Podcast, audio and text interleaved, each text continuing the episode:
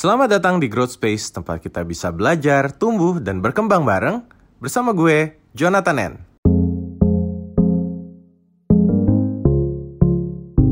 Oke, oke, oke.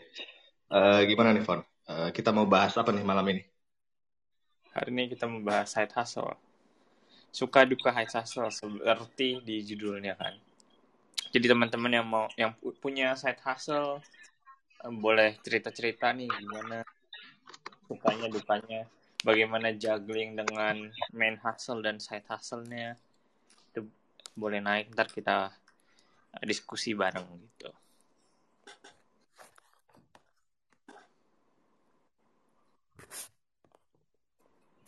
Ya ada yang mau kalau ada yang mau cerita dulu kalau gitu mungkin mungkin gua kali ya cerita. Apa ya?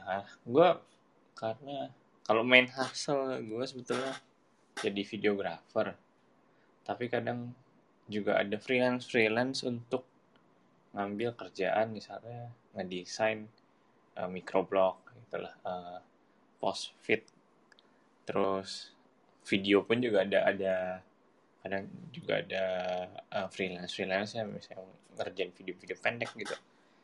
Buat, buat uh, lebih banyak buat uh, sosial media sih sebetulnya. Apa ya suka duka ya? Oh kalau sukanya karena nggak gitu jauh beda sama main hustle sebetulnya. Lebih ke enaknya itu ya kerjaan itu nggak terlalu uh, apa ya nggak ya lebih fleksibel lah. Gitu. jadi bisa kerjanya lumayan ngatur sendiri gitu. Uh, mau kerjain apa dulu segala macem ya itu itu sukanya dari side hustle gitu yang yang nggak jauh beda sama main main hustle. Tapi nah kan biasanya lebih lebih seru kan cerita tentang dukanya ya. Uh, yang yang kurang enak. Ada pengalaman yang kurang enak ketika ngecoba freelance gitu. Ya dan mereka untuk bikin uh, sosial media gitu post feed di Instagram. Tapi mereka janji untuk uh, kontrak tiga uh, bulan gitu ngerjain uh, uh, post uh, feednya gitu. Tapi setelah tapi enam uh, bulan pertama oke okay, dibayar gitu. Tapi setelah dua bulan kedua bulan ketiga bulan kedua gue masih masih ngerjain tapi bulan keduanya nggak dibayar gitu loh. Nggak uh, padahal udah ada kontrak segala macam gitu. Dan gue tanya uh, gimana nih segala macam? Kok kok nggak dibayar gitu? Uh, bilangnya nanti nanti nanti akhirnya lost kontak gitu di bulan. Dan akhirnya di bulan ketiga pun juga udah nggak ada. Ya udahlah gue gue me relakan saja gitu. Dan kalau emang mau kontraknya pun juga di di apa ya, di uh, ya dipermasalahkan itu juga nggak sebanding lah gitu loh dengan nilainya gitu. Ya itu sih salah satu uh, pengalaman side hustle yang yang kurang mengenakan gitu. Kalau Ibnu ada kah side hustle side hustle? Oke, okay, uh, jadi main hustle sama side hustle masih agak berhubungan ya, Evan ya? Jadi masih masih masih inline lah seenggaknya tapi kalau gitu ada yang bilang sih sempet bikin bosen gak sih kayak maksudnya eh, lo 9 to 5 ngerjain video terus habis itu malam atau enggak pagi banget lo ngerjain video hmm. lagi lo pernah bosen atau gimana gitu nggak? Eh bosen ada sih bosen pasti ada sih kayak pasti lah ya nah. kalau dari aku sendiri sih dulu pernah waktu uh, pertama karir pertama itu kan dulu uh, berdagang hobi sih jadi dagang barang-barang hobi sih. Pada saat itu kebetulan um, card game ya. Uh, kalau misalnya teman-teman di sini pernah tahu Yu-Gi-Oh! Nah dulu hmm. dulu aku ikut komunitasnya dan juga um, jualan kartunya sih. Jadi kayak buka open PO dari luar negeri dari website luar negeri kemudian um, pakai jasa forwardernya. Forwardernya teman terus uh, dari situ open PO open PO-nya itu di markup untuk harganya. Karena kayak di Indonesia ini belum official istilahnya belum belum ada uh, yang jualan kayak gitu dengan sistem PO dengan harga yang bagus kayak gitu. Jadi uh, di komunitasnya sih lebih ngelakuin itu sih sebagai side hustle. Jadi uh, istilahnya dari hobi terus kenapa nggak sekalian dicuanin sih kayak gitu. Jadi paling hmm. sekali PO dulu ya hasilnya lumayan sih. Oke oke, oh, lucu juga ya side hustle lah itu ya. Jadi emang dari hobi sih biasanya orang-orang toys atau uh, uh, yang doyan mainan itu biasanya banyak jualan-jualan barang-barang hobi gitu. Mungkin uh, kalau lu mau ngulik ada banyak juga sih. Terus paling um, kayak alasan ini aku tadi nemu artikel ya dari discover.com um, beberapa alasan kenapa kamu tuh harus punya side hustle kayak gitu. Kenapa tuh? Yang pertama ya, uh, yang pertama udah pasti memiliki multiple source of income, di mana di kondisi yang ke, penuh ketidakpastian saat ini banyak company um, tikar, banyak company yang kesulitan buat um, uh, project atau kerjaan yang sebelumnya gampang pada saat sebelum pandemi, sehingga banyak terjadi uh, pengurangan karyawan, gitu-gitu. Jadi punya beberapa source of income itu never hurt Cuman pasti ya uh, dukanya harus ada yang dikorbanin seperti waktu istirahat atau um, waktu dengan pasangan atau temen kayak gitu. Cuman um, harus bikin rule buat diri sendiri kayak dibatasi misalnya sehari maksimal 4 jam atau tiga jam kayak gitu. Hmm, Kemudian betul. Mm -mm, kayak yang kedua sih kalau misalnya kita misalnya katakanlah punya hutang atau cicilan lah ya mungkin kita kan nggak tahu ya kondisi ekonomi uh, orang lain atau orang-orang uh, itu ngebantu banget sih buat ngatur cash flow buat um, istilahnya melunasin hutang. Jadi kan ada beberapa metode pelunasan hutang selain ikut mikrofon pelunas hutang. Jadi ada kayak avalanche dan juga snowball kayak gitu. Kemudian um, meningkatkan net worth di mana um, sebenarnya uang kan juga bukan segalanya tapi kayak segala sesuatu itu kan selalu berkaitan dengan uang ya. Dan apabila kita istilahnya udah ngerasa cukup atau safe dengan kondisi finansial kita, otomatis kita bakalan bisa lebih berpikir uh, untuk hal-hal yang lainnya dan kita bisa lebih berkarya dengan lebih positif sih, tanpa harus memikirkan dengan besok atau bulan depan bisa makan nggak ya? Hmm. Itu sih mungkin untuk konsepnya yang ditulis di situ. Kemudian bisa jadi passive income atau um, menggantikan pekerjaan utama ya apabila uh, side hustle-nya itu melebihi uh, main income-nya. Jadi kan emang ada beberapa tuh ya. yang kadang side hustle-nya malah dua kali atau tiga kali lipat dari main income-nya kayak gitu sih. Hmm, hmm. Oke oke. Tadi ada menarik tuh yang pembahasan uh, eh ada dimension kalau kerjaannya jangan melebihi waktu dari yang main hasil ya jadi gitu ya mm-hmm. gitu kan mm-hmm. kayak mencegah lebih mencegah burnoutnya aja sih kayak ya. uh, sesuatu kan pasti harus ada yang dikorbankan ya kalau misalnya kita pengen mencapai hmm. uh, impian atau apa pun itu gitu Oke, itu mungkin dari juga, mm-hmm. gimana ya itu gue juga juga memakai itu sih jadi mm-hmm. apa ya uh, ketika side hustle gitu gue mengurangi misalkan yang gue juga ikutan mikir gitu loh kerjaannya. Misalnya di main hustle gue juga ngonsepin video terus nge-shooting video sambil terus sampai ngediting gitu. Ketika misalnya side hustle gue kurangin misalnya jadi udah editing aja gitu. Jadi jadi nggak nggak nggak apa ya nggak energi gue juga nggak nggak habis ke situ gitu dan kalau gue uh, waktu itu pernah lihat uh, tweetnya Tiago Forte gitu ya. Ada kita sebetulnya punya energi itu ter, uh, terbatas kan. Jadi kalau uh, jadi kalau mau apa ya me, mengelolanya itu ada ada beberapa tier gitu loh. Yang pertama itu ketika untuk pekerjaan yang butuh uh, sintesis gitu loh, sintesis idea gitu, yang membuat ide-ide baru itu membutuh yang itu pasti membutuhkan energi yang paling banyak gitu. Lalu di bawahnya itu uh, itu lebih ke yang uh, heavy editing, terus yang collab collaboration collaboration. Ya setidaknya ada orang yang ya ada kepala lain lah gitu. Terus yang berikutnya itu ada uh, energi kita diambil yang ketiga terbesar di misalnya di light editing di ketika terus udah gitu ketika kita berkomunikasi dengan orang atau pekerjaan-pekerjaan admin gitu. Dan terakhir energi kita yang paling sedikit keluar itu di uh, passive reading atau uh, mendengarkan gitu. Jadi ketika misalkan udah kita udah banyak uh, satu hari itu sintesing idea gitu ya kalau ditambah lagi gitu uh, kita bakal burn out gitu jadi itu sih yang bisa diperhatiin sih kalau menurut gua gitu oke berarti selain jam kerjanya ya untuk jam jam kerja sampingan tapi juga bener-bener quality sama jenis hmm. kerjanya juga harus ya. diperhatiin ya. banget sih ya Tuh, jenis pekerjaannya hmm. oke mungkin dari teman-teman bisa uh, ada yang ini nggak ada yang mau di share nggak ketika ternyata malah banyak dukanya nih ketika jalanin side hustle.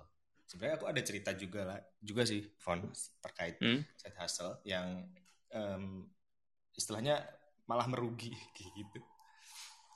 Ya. Jadi pernah dulu waktu gabung di startup uh, peer to peer lending ya um, istilahnya dari situ belajar lah belajar tipis-tipis soal gimana mekanisme uh, milih mitra yang bagus mekanisme gimana kita bisa dapat investor gitu. nah hmm dulu tuh udah dapet tuh uh, pitching kan di uh, pitching investor ketika dananya udah dikelola sama kita uh, dari mitra itu ada yang nggak amanah pada saat itu sehingga hmm. ya gimana dananya nggak balik sampai uh, banyak sih lumayan banyak dulu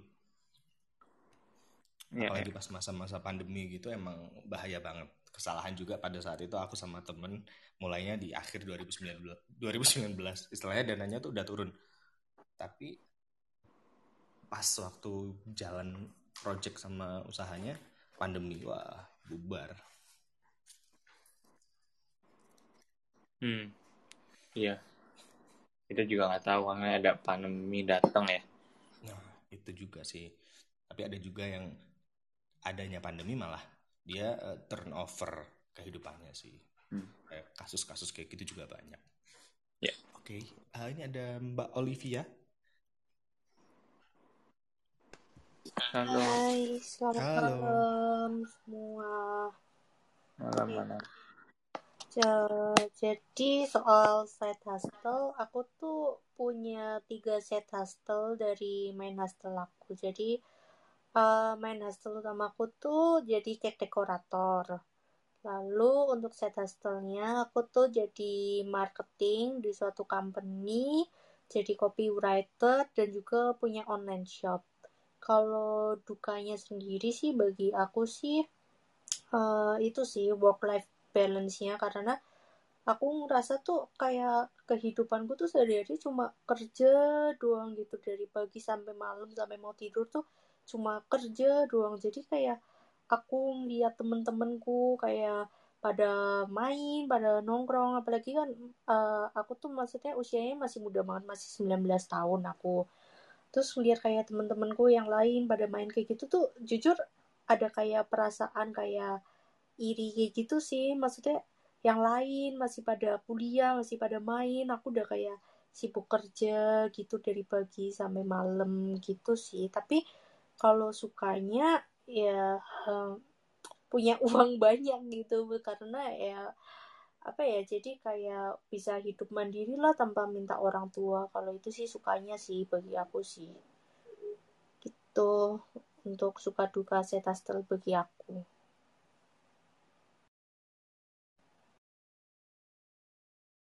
Oke, wow. Ini 19 tahun ya, Fon ya? Wah. Hmm dulu kamu 19 tahun nongkrong-nongkrong atau udah mulai ini uh, menata kerjaan atau uh, nata-nata skills gitu? Gua 19 iya. tahun. Tahun itu kapan ya? Itu udah kuliah sih. Kuliah semester semester tiga lah ya. Ya uh, belajar kayaknya sih, mas, masih masih belajar ya. paling ya. Ya Ya, kalau kalau waktu kuliah gue fokus kuliah sih.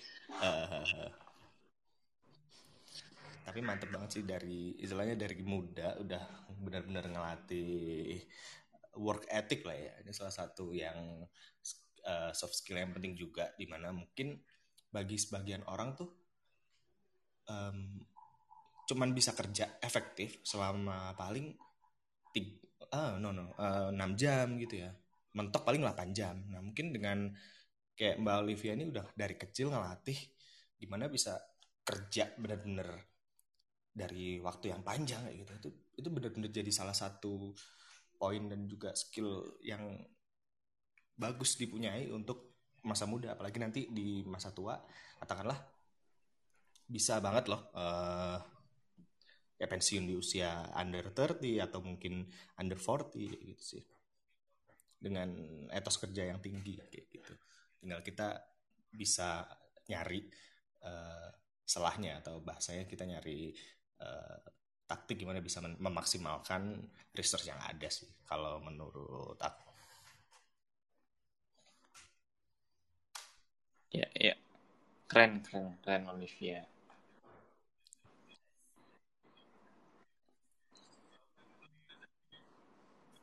Oke, Gimana itu? eh, em, mungkin dari speaker selanjutnya ya dari Mbak Natania mungkin ada yang mau di share Hai, hai, halo teman-teman Halo, semuanya. selamat malam halo I- Iya, aku ya sharing aja kali ya.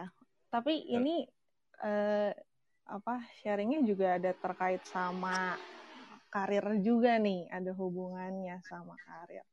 Karena eh, aku ambil side hustle, eh, em, sebenarnya ada beberapa sih, tapi yang aku mau ceritain hari ini satu. eh, karena aku nggak berani switching karir gitu ya aku nggak berani switching karir langsung meng- langsung kayak misalnya ninggalin job aku sekarang terus ganti eh, eh, ganti ke job yang lain aku ambi- akhirnya ambil side hustle yang eh, aku sebenarnya kepengen itu jadi main job aku sekarang gitu. Maksudnya ya sempat didoain lah gitu pengen. Tapi akhirnya mikirnya mungkin belum waktu yang tepat ya kan karena lagi pandemi kayak gini. Jadi eh, maksudnya tanpa tanpa menutup pintu itu gitu aku berusaha untuk akhirnya coba eksplornya itu lewat side hustle gitu. Jadi aku join ke salah satu mm, apa ya bisnisnya temen salah satu Hmm. bisnisnya temen di sana aku bantu di bagian business and product development gitu jadi bener-bener eh, seru banget maksudnya seru banget karena eh, ya itu bisa bisa bisa yang kalau teman-teman tahu kayak market research gitu ya kita kalau mau develop produk kita ada yang namanya market research gitu biar eh, cari segmentasi pasarnya gitu produk kita bisa diterima apa enggak. Nah itu aku bantu-bantu di situ. Jadi di luar di luar pekerjaanku gitu ya sebagai HR aku pun bisa explore hal ini gitu. Bisa explore oh, caranya untuk launching produk kayak gitu ya gitu. Cari target market tuh kayak gitu ya gitu. Jadi hmm, kalau menurutku ini lebih ke arah eh, salah satu trik yang bisa dicoba juga sama teman-teman kalau teman-teman pengen pengen switching karir tapi nggak langsung resign gitu. Jadi coba-coba dulu gitu. Nah coba-coba dulunya bisa dari side hustle-nya gitu. Nanti eh, kalau memang udah mumpuni kemampuannya nah side hustle-nya bisa jadi eh, pekerjaan full timer gitu gitu kali ya Von sharingnya. Saya gue nah karena ada Nia dan gue mau balik lagi pasti masalah Oh. HR gimana gimana? Eh, kalau dari Nia tadi sih kan juga ini ya em, kenapa? dari main jobnya eh, masih tetap dikit tapi dia em, spare waktu di di luar jam kerjanya buat istilahnya in charge dan langsung kerjain tanggung jawab lain gitu di bidang eh, market research atau product development itu tadi. Itu Hmm. juga keren sih dari bidangnya kan udah beda tuh. Sehingga em, disiplin sama mungkin kelebihannya paling ini ya jadi nggak bosen ya istilahnya habis mikir soal eh, administrasi habis itu yang product developnya benar-benar mikir analitik dan juga taktis. Gitu.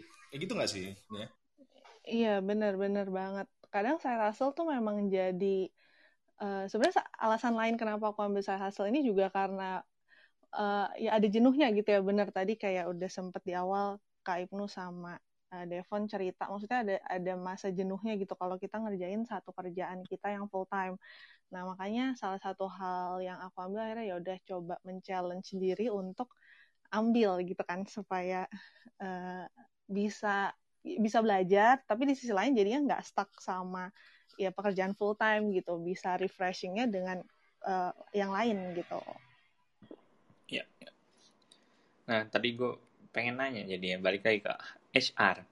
Kalau di dari Nia sendiri di perusahaan Nia sekarang kerja, sebetulnya mem memperbolehkan karyawan untuk side hustling nggak sih? Uh, kalau kita ngomongin di perusahaan itu uh, sebenarnya gini, um, kalau kita tanda tangan kontrak itu biasanya kan karena kita memang terikat untuk bekerja di satu perusahaan lain gitu ya, eh satu di perusahaan kita sorry, dan kita nggak di uh, anggapannya nggak depannya kayak kalau uh, ini biar sederhananya aja lah ya. Maksudnya teman-teman itu udah tanda tangan kontrak untuk kerja di satu perusahaan A gitu. Nah, hmm. kalau misalnya teman-teman tiba-tiba diminta sama perusahaan B gitu yang misalnya untuk pekerjaan yang sama dengan waktu yang sama dan sebagainya itu nggak bisa karena menyalahi kontrak sebenarnya. Hmm. Cuman kalau kita ngomongin side hustle-nya ini kayak freelance gitu ya, kayak misalnya teman-teman mungkin ada yang punya jadi IO gitu ya, jadi WO gitu yang kerjanya di weekend atau ya. misalnya ya memang ada side hustle lain yang memang maksudnya hmm, secara hukum itu maksudnya enggak menyalahi aturan pas tanda tangan perjanjian kerja itu harusnya nggak masalah gitu. Karena ini hmm. sebenarnya aku juga udah pernah tanyain si Fon uh, kayak nanya gitu sama sama atasan pak kalau saya punya freelance saya menyalahi nggak sih? Gitu. Terus tapi kata dia ya selama memang uh, freelance-nya itu nggak mengikat maksudnya secara hukum gitu ya. Karena kan kalau misalnya kita kerja itu kan ada pasal-pasalnya ada ya pasal-pasal lah pokoknya yang yang uh, anggaplah kayak quote unquote kayak mengikat kita sebagai karyawan gitu selama kita nggak menyalahi itu harusnya nggak masalah gitu. Jadinya um, harusnya nggak apa-apa sih Fon. Kalaupun kita udah punya kerjaan full timer terus kita punya uh, kerjaan sampingan gitu anggapannya. Hmm, ya. Soalnya ada ada temen yang punya side hustle gitu saya desainer gitu sama-sama desainer pekerjaannya tapi eh, side hustle juga ngedesain gitu. Ketika di kantor dia juri-juri gitu loh ketika untuk ngebuka uh, desain yang lain gitu biar nggak kelihatan bos gitu. Karena oh. mungkin nggak dibolehin kali ya. Gitu.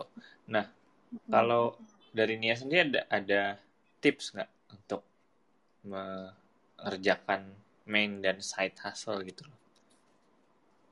Kalau tips yang paling pertama banget tahu kapasitas diri sih. Karena karena uh, sadar atau enggak side hustle itu sebenarnya jatuhnya quote unquote ya. Maksudnya ini akan jadi beban. Maksudnya beban bukan artian kita nggak nggak enjoy jalanin bukan. Tapi anggapannya misalnya kita udah punya proporsi sendiri biasanya kayak gimana gitu dengan pekerjaan full time kita. Side hustle itu kan nambah beban kita. Anggapannya itu akan uh, consuming waktu kita gitu. Kayak tadi mungkin kalau Olivia cerita mungkin teman-teman yang lain main gitu kan. Kitanya nggak hmm. bisa main gitu. Nah itu kan satu hal yang harus dibayar gitu kan. Ya kita ikut eh, kita punya hustle ya kita bayar dengan waktu kita gitu kan. Nah itu yang makanya kita harus tahu kapasitas kita supaya nggak burn out gitu. Karena ya kalau namanya side hustle tuh udah capek sih pasti capek. Maksudnya kalau kita ngomongin in the long run itu pasti capek maksudnya ada capeknya gitu. Bukan berarti nggak capek ya walaupun pasti tetap ada senengnya gitu. Cuma pasti akan ada porsi di mana kita eh, capek juga ya udah full time uh, selesai full time. Mungkin teman-teman leha-leha gue masih harus kerja gitu. Sampai malam mungkin jam 10 gue baru tutup laptop. Temen gue udah tutup laptop dari jam 6 misalnya kayak gitu kayak gitu. Jadi kalau yang pertama banget sih tahu kapasitas sih. Sehingga kalau kita tahu kapasitas kita yang bisa adjust sendiri gitu. Oh kalau misalnya gue punya side hustle kayaknya better yang kayak gini gitu. Atau kayak jadi kita bisa tahu kita cocok apa enggak juga gitu sama side hustle-nya gitu. Bisa jadi misalnya kayak aku ambil sekarang kan yang di uh, product and business development. Kalau aku ngerasa nanti capek banget misalnya uh, in the end of uh, ter- terakhir misalnya perjanjian untuk bantuinnya ya bisa aja aku mungkin cut gitu karena aku ngerasa aduh kayaknya ini udah udah di luar kapasitasku gitu mungkin bisa cari uh, apa ya intern yang lain atau maksudnya coba di bagian yang lain gitu sehingga uh, itu yang bisa nyesuaiin sama kapasitasnya kita gitu. Kalau paling pertama sih rasanya kayak gitu ya, Fon. Jadi ketika kita tahu kapasitas kita itu udah including time management juga gitu maksudnya. Kita bisa manage waktu kita, bisa biar balik lagi supaya nggak burn out dan kita kayak tahu kapan harus istirahat gitu. Mungkin lebih kayak gitu kali ya, Fon. Iya, iya. Kalau kapasitas diri ya, itu sih. Itu gue juga pernah merasakan mengerjakan tiga job dan ternyata itu jauh dari kapasitas gue gitu deh oke okay. betul betul ya dibalikin ke Ibnu lagi silakan Ibnu okay.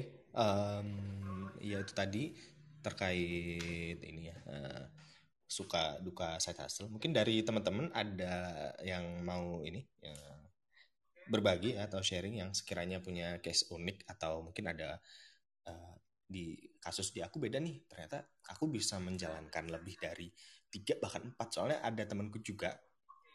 Dia di tiga tempat yang yang bener-bener quote unquote full time. Jadi mulai dari riset mulai dari uh, ideasi mulai dari create content sampai BD itu dijalankan juga. Uh, jadi kayak rebut-rebutan gitu sih waktunya. Dan memang literally tidurnya cuman sehari tiga jam empat jam itu udah udah ini banget udah banyak banget gitu sih jadi kayak emang bener-bener banyak yang harus dikorbankan ya terutama uh, waktu tidur itu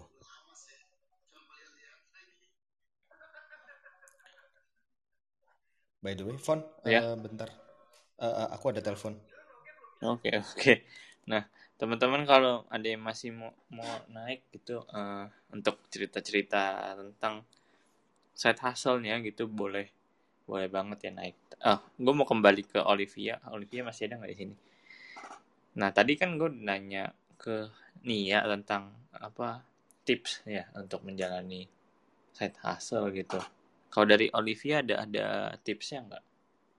biar balance antara main hustle dan side hustle? Uh, sebenarnya juga antara main hustle sama side hustle aku tuh juga maksudnya aku kan juga di main hustle-nya tuh lebih sering kerja tuh baru pulang tuh jam 11 malam dari hmm. pagi hmm. pulang jam 11 malam jadi kalau untuk side hustle-nya tuh biasanya aku curi-curi waktu sih di main hustle-nya ya kan aku juga megang HP terus kan megang HP hmm. dan set hustle-ku tuh juga bisa dikerjain lewat HP jadi aku biasanya colong-colong waktu aja waktu jam kerja gitu terus baru hmm. pulangnya biasanya baru ngimput-ngimput gitu jadi ya gimana ya ya kalau pulang ya biasanya cuma tinggal ngimput-ngimput gitu doang sih biasanya aku colong-colong waktu aja buat di main hustle gitu hmm.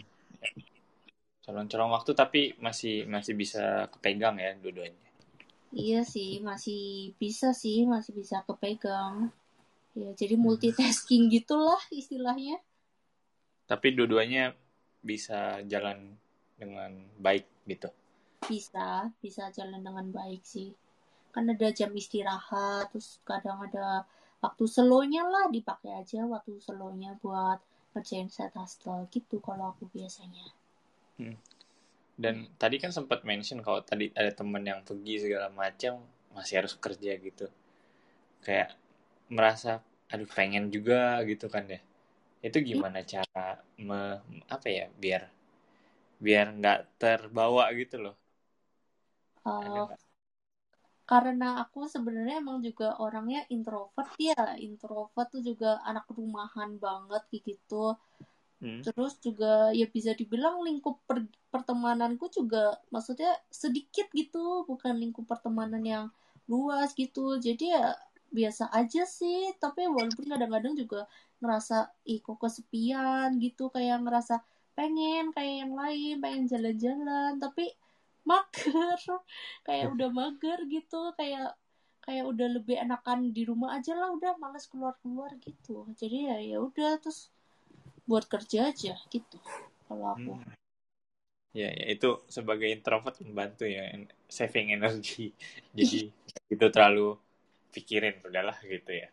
iya kok aja kadang-kadang tuh kayak hidupku tuh kayak nggak berkomitmen gitu loh kadang-kadang pengen keluar kadang-kadang beberapa menit kemudian nggak pengen keluar jadi ya gitulah hidupku aneh Enggak lah. Ya, setiap orang beda-beda tapi ini it's good sih. Oke, oke. Hmm. Thank you Olive Iya. udah share. Nah, ini ada pembicara yang naik lagi ada Mora atau Evo ini? Evo, halo Bang Devon. Evo? Ini aku Evo, Evo, Evo. Dulu aku sempet sih ikut ini kan, Iya. yang waktu awal-awal. Ya. Ada cerita pengalaman tentang eh, side hustle nih. Ada, banyak. Wah, Mungkin apa ya? eh, halo, sebelumnya salam kenal ya semuanya. Aku Evo. Makasih Bang Devon udah accept aku buat ke atas. Dan kali ini aku mau ngobrolin apa aja side hustle yang mungkin sama kayak teman-teman. Dan yang aku tekankan di sini tuh yang paling penting adalah time management kan ya. ya.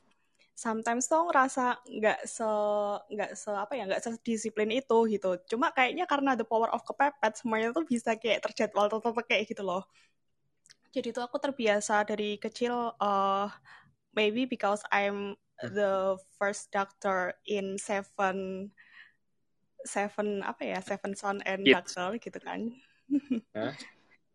jadi aku Ya. kan anak pertama dari tujuh bersaudara nah Ya. aku tuh terbiasa buat dulu kayak kerja sambil kuliah terus apa enggak ya waktu kuliah sambil jualan gitu kedengeran nggak ya suaraku Dengeran, dengeran. oh iya ya saya tadi kayak putus-putus bang Devon ya. Nah eh, waktu dulu aku kecil mungkin ini namanya side job. Kan main jobnya adalah belajar tapi side jobnya jualan. Jadi dulu pas kecil itu aku sering dibawain ibuku kayak apa sih kerupuk. Namanya sih kalau di Jawa selondok ya. Nah itu tuh dibawa ke sekolah kayak gitu kan. Terus habis itu meningkat lagi kalau aku tiap mau berangkat sekolah ngambil-ngambilin snack dari deket rumah terus sampai sekolah aku jual-jualin. Itu berjalan sampai kuliah sih. Nah terus habis itu waktu kuliah juga aku punya bisnis hijab dan itu lumayan.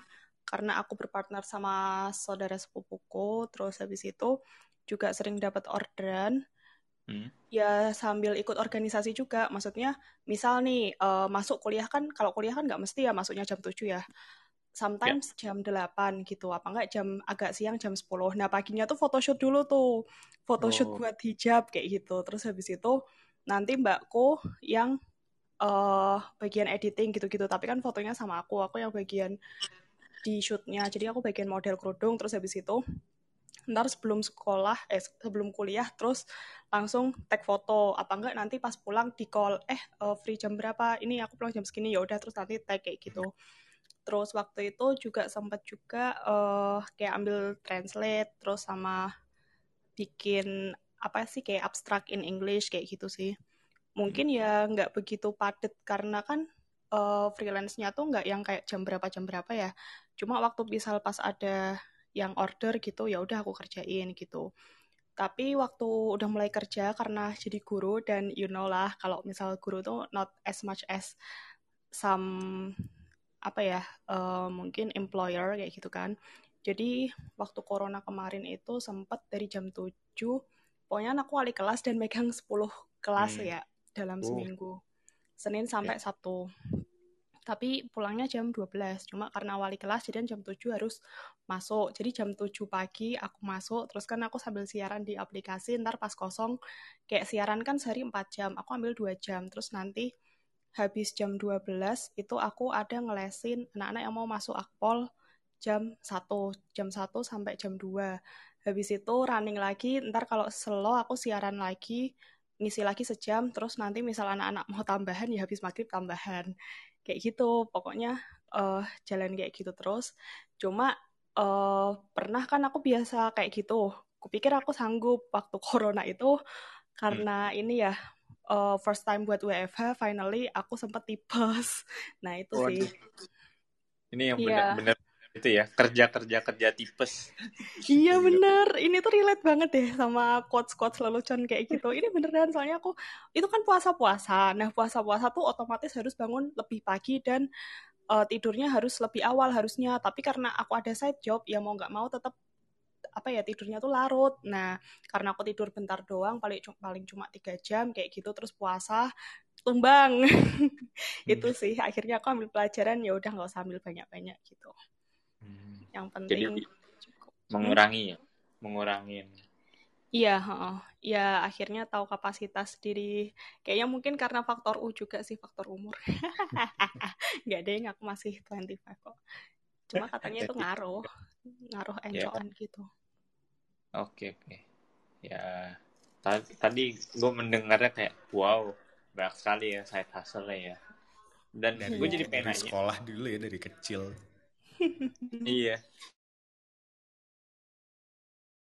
gitu kan kenapa dari kecil udah Jeff Bezosnya Indonesia Jeff Bezos tapi, tapi, tapi banyak juga sih sebenarnya yang, jual-jualan kayak gitu iya banyak pasti di di sekolah-sekolah oh. uh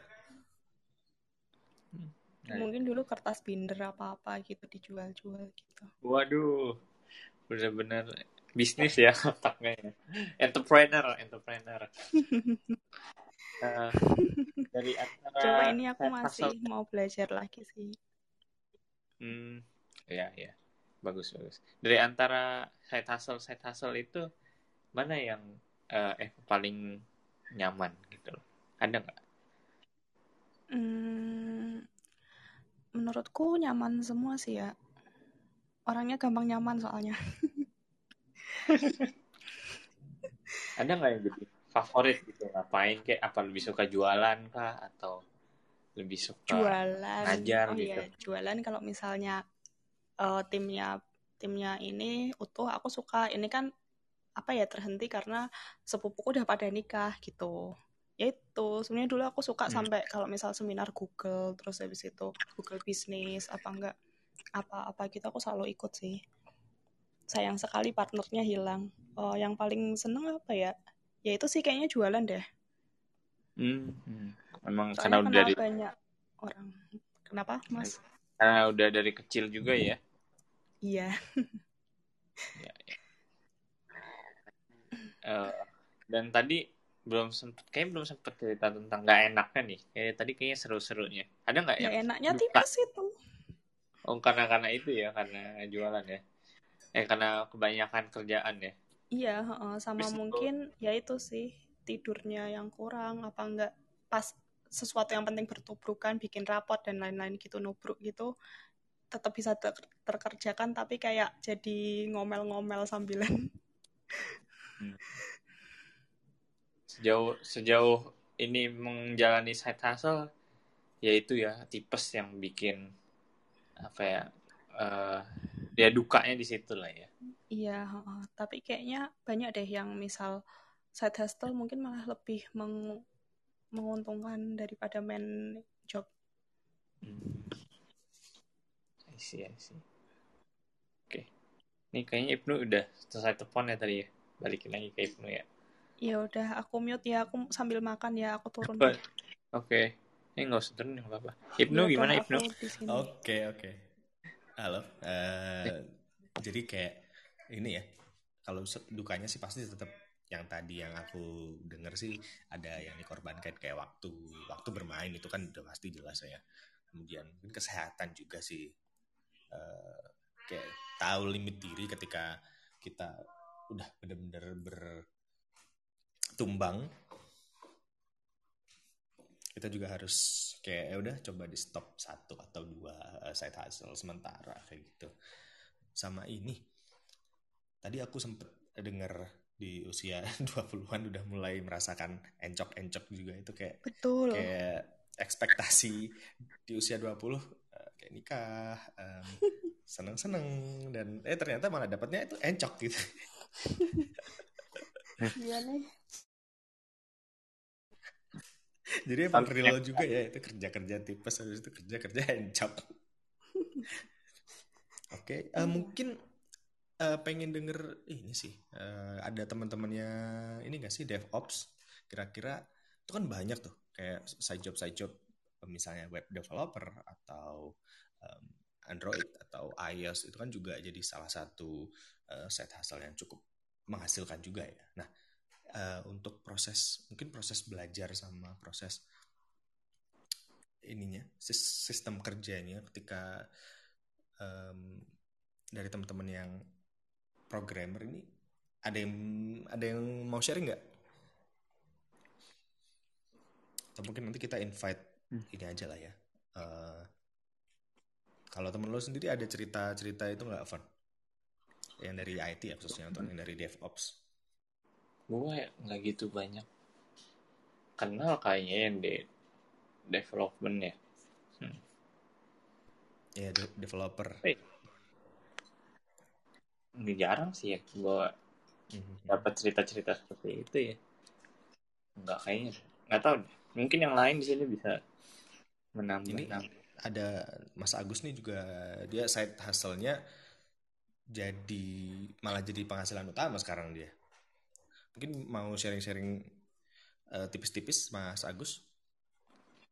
Coba kita naik ya.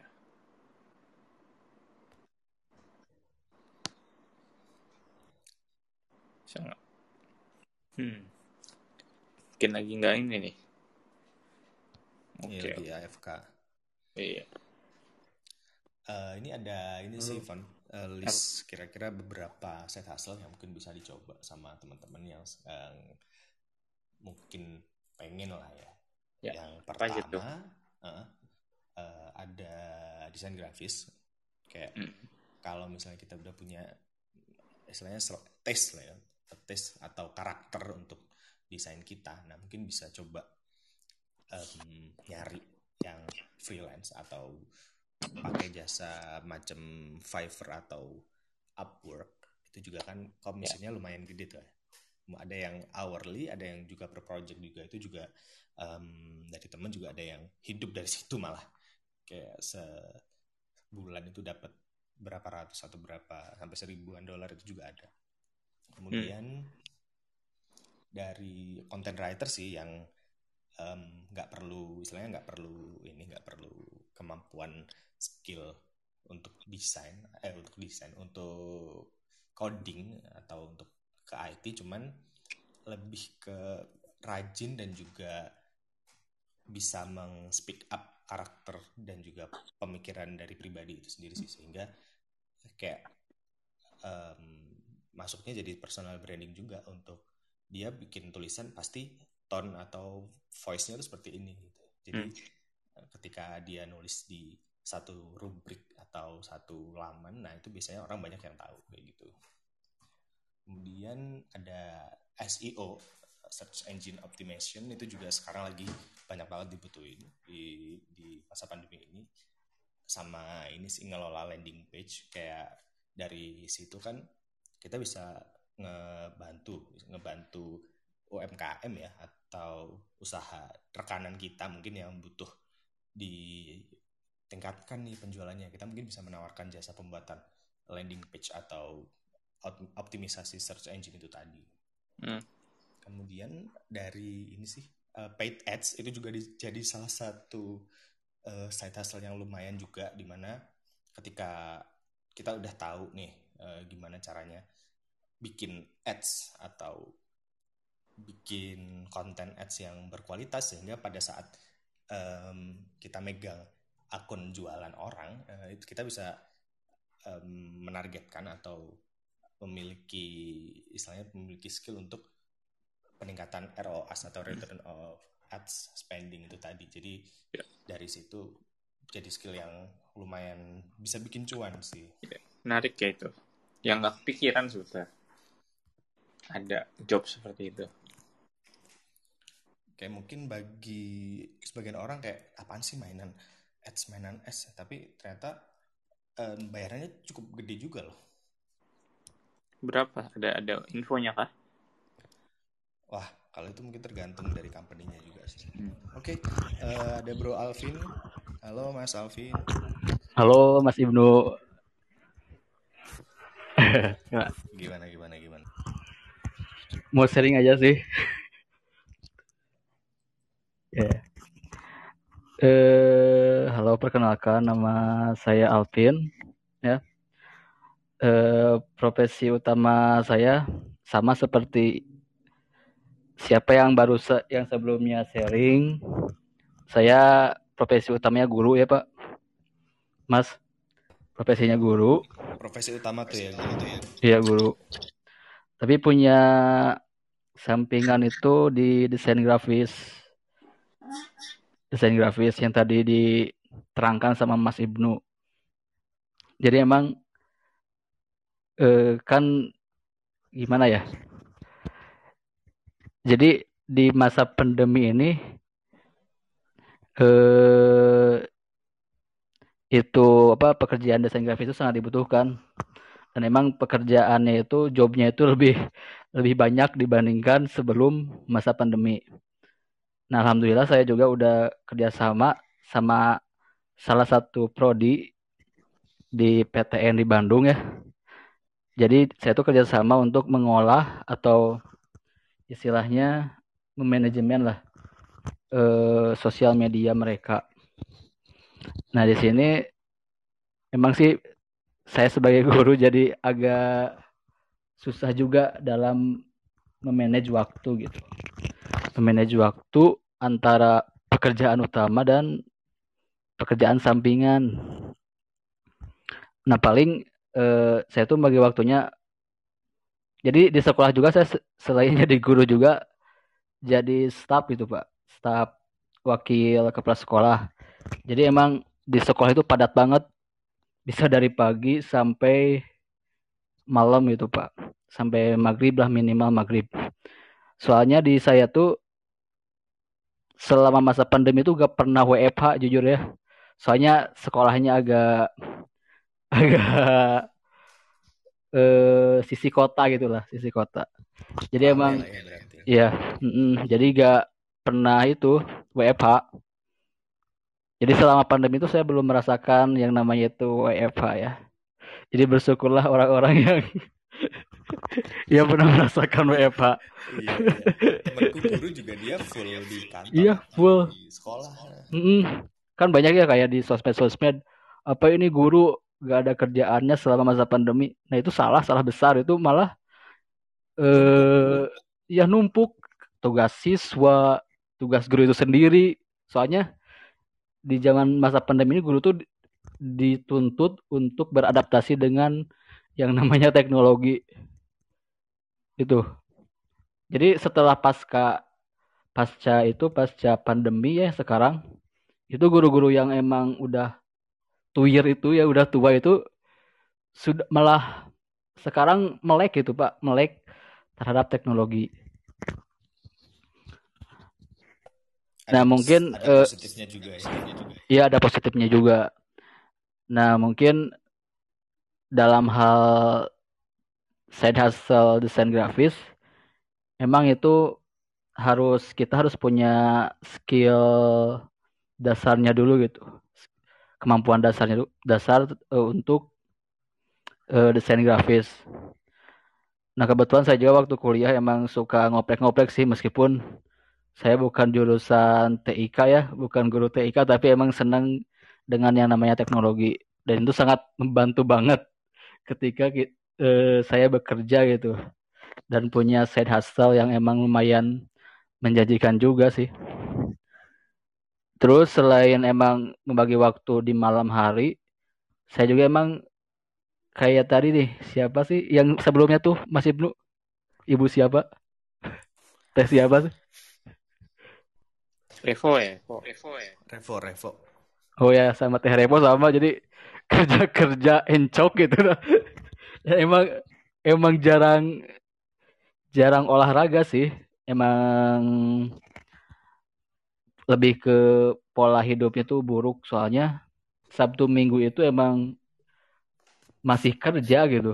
Kerja Ya, sampingan. capek duluan gitu ya. Iya capek duluan, tapi lah dinikmati lah I see, I see. karena kita butuh sih. karena emang butuh. Iya, kalau eh, ada pertanyaan, eh, kamu side hustle kamu kok. Kenapa kerja kerja kerja terus? Ya jawabannya ya karena kita tidak punya uang gitu ya mungkin mas. Iya. Ya. Iya bener karena butuh gitu. Oke, oke. butuh. Oke, jadi- itu jadi- malah di ya di kayak guru-guru yang lain. Pin kenapa sih meni itu pisan gitu? Terlalu obsesi gitu. Kerja tuh sampai malam sampai padahal kan guru yang lain tuh pulang tuh zuhur gitu. Jam 12 atau paling sore itu jam 4 lah. Ini saya tiap hari paling minimal itu maghrib pulang kerja itu. Makanya banyak Mhm. tetangga-tetangga kok gay guru maghrib gitu ya? Eh, oke. It- ini Karena mindset- Gajep kan yang Hmm? nggak nggak jadi jaga penjaga sekolah juga kan? Enggak kan ya? Enggak enggak Oh, alhamdulillah enggak, belum oke, belum belum pernah nginep pak. Anti nginep saya. Kirain itu, anti nginep di sekolah. pulang maghrib sekalian nutup gerbang atau gimana? Enggak enggak enggak Oke, Itu jadi ada tugas- guru, ada satpam ya. Pas office hour-nya jadi guru kemudian em, waktu di setelah office hour-nya atau after hour-nya jadi desain grafis ya Mas Alvin. Oke Iya. thank you thank you sharingnya. Malah saya juga pernah itu pak. Pernah apa ya kayak kayak galau gitu. Soalnya waktu waktu dan benefit yang dikeluarkan dan didapatkan itu berbeda gitu. Kan saya di sekolah itu dari pagi sampai lebih Sore gitu lah ya. lebih lebih sore. Sementara kalau kita ngerjain project desain grafis paling lama 6 jam 8 jam gitu pak ya. Dan emang itu langsung gitu benefitnya itu ada ke kita gitu. Jadi emang agak bimbang juga pernah pernah bimbang gitu. Mending kok gedean side hustle saya itunya pak.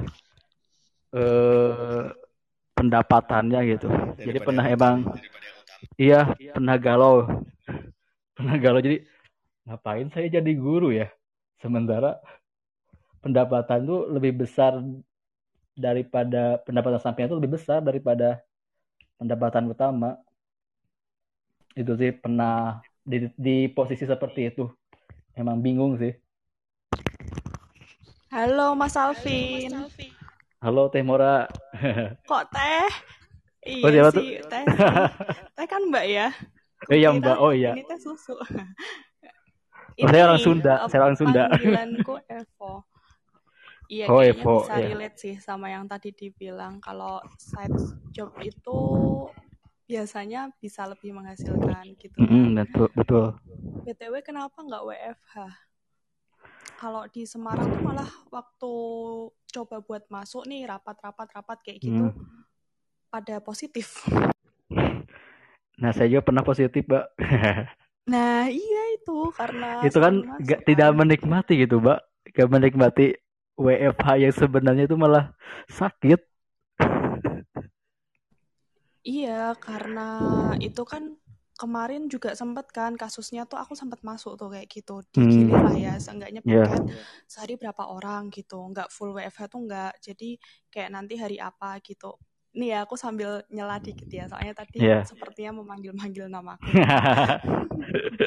terus habis itu ya itu waktu dicoba malah pada positif terus aku mikir kok malah kayak gini ya akhirnya eh, apa namanya aku minta di semester selanjutnya jadi honorer aja gitu. Hmm, eh ya sih Nah. soalnya kenapa saya gak WFH eh, Bang Mora? Eh, karena saya itu bagian dari Wakasek ya. Wakasek dan emang kepala sekolah kami ya yang baru itu eh, idealis itu idealis dan emang punya visi yang bagus gitu obsesi yang bagus terhadap sekolah. Jadi emang kayak gitu yang awalnya suka jalan disuruh berlari gitu. Jadi emang kayak gimana ya ngejar target lah itu kepala sekolahnya. Jadi emang nggak ada WFH kalau di saya.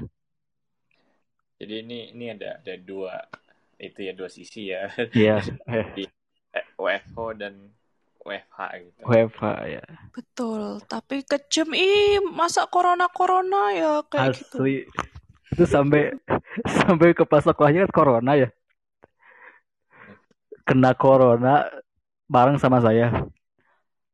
Itu pernah ya udah cina eh, bulan depan mah WFH tapi setelah dia sembuh gak jadi gak jadi WFH itu cuma ketakutan sementara gitu ya. Tergantung tergantung dia. Iya tergantung dia. Ya. Aduh. tapi Eh tadi kita- kayaknya dia mau ngomong kok turun masnya itu. oh, atau mungkin itu ya eh, apa signal kali ya. Eh, apa- mungkin kita bahas apa kepala sekolahnya bisa di lain waktu dulu ya. Oke siap. Masih ngomongin side hustle nih. Ya. jadi ya summarize sedikit lah gitu tentang eh, tentang side hustle. Jadi ya yang paling penting sih eh, kita bisa tahu tahu kapasitas diri sih tadi yang yang sempat gua highlight jadinya eh, tadi di di yang ngomong oleh Nia ya.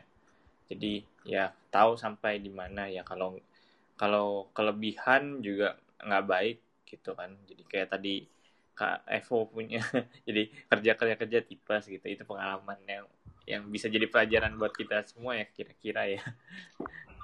Betul. Oke oke. Seperti itu. Ini kayak kita udah udah mau satu jam ini. Gimana Ibnu? Kita mau eh sudahi atau gimana? Oke. Kayaknya udah lumayan banyak juga ya tadi yang udah di-share mulai dari eh, gimana benefit atau em, istilahnya dari gaji tanda kutip yang didapatkan dari side hustle lebih gede dari main hustle gitu. Kemudian gimana em, bis- harus bisa tahan diri, harus bisa tahu kapasitas diri apakah eh, emang benar-benar bisa nih. Takutnya emang dari kedua tempat ini nggak achieve. Nah, kan kan yang jadi concern utama itu dari side hustle-nya gagal, dari main hustle-nya em, ini lagi kan jadi malah eh, nyusahin diri sendiri juga kayak gitu. Oke, mungkin kalau dari saya cukup sekian sih, Mas Devon. Bisa ditutup. Nah, kita nanti hari Kamis ada lagi ya apa ya kita mau ngomongin apa ya hari Kamis ya Ada tuh pokoknya hari Kamis. Udah aku oh pernah selingkuh atau diselingkuhin? Oke, kita kembali lagi ke bahas relationship ya. Nah, ini kayaknya Nah. bakal Lo pernah selingkuh nggak? nggak pernah. Bagus, bagus, bagus. Oke. Ya udah ntar kita bahas hari Kamis. Oke, eh, oke mungkin eh, invite lebih banyak ini ya eh, speaker yang kata- kayaknya seru sih ngelihat mungkin kisah-kisah cinta di masa muda kali ya yang yang seru kayak ya udahlah jadi pelajaran di masa depan. Oke, mungkin dari saya itu dulu dari Devon ada Oke, thank you semuanya deh buat yang udah join selama sejam ini tentang ngomongin side hustle ini gitu. Oke deh semuanya, bye-bye. Goodbye and good. Bye-bye. see you later. Selamat malam semuanya. Selamat beristirahat.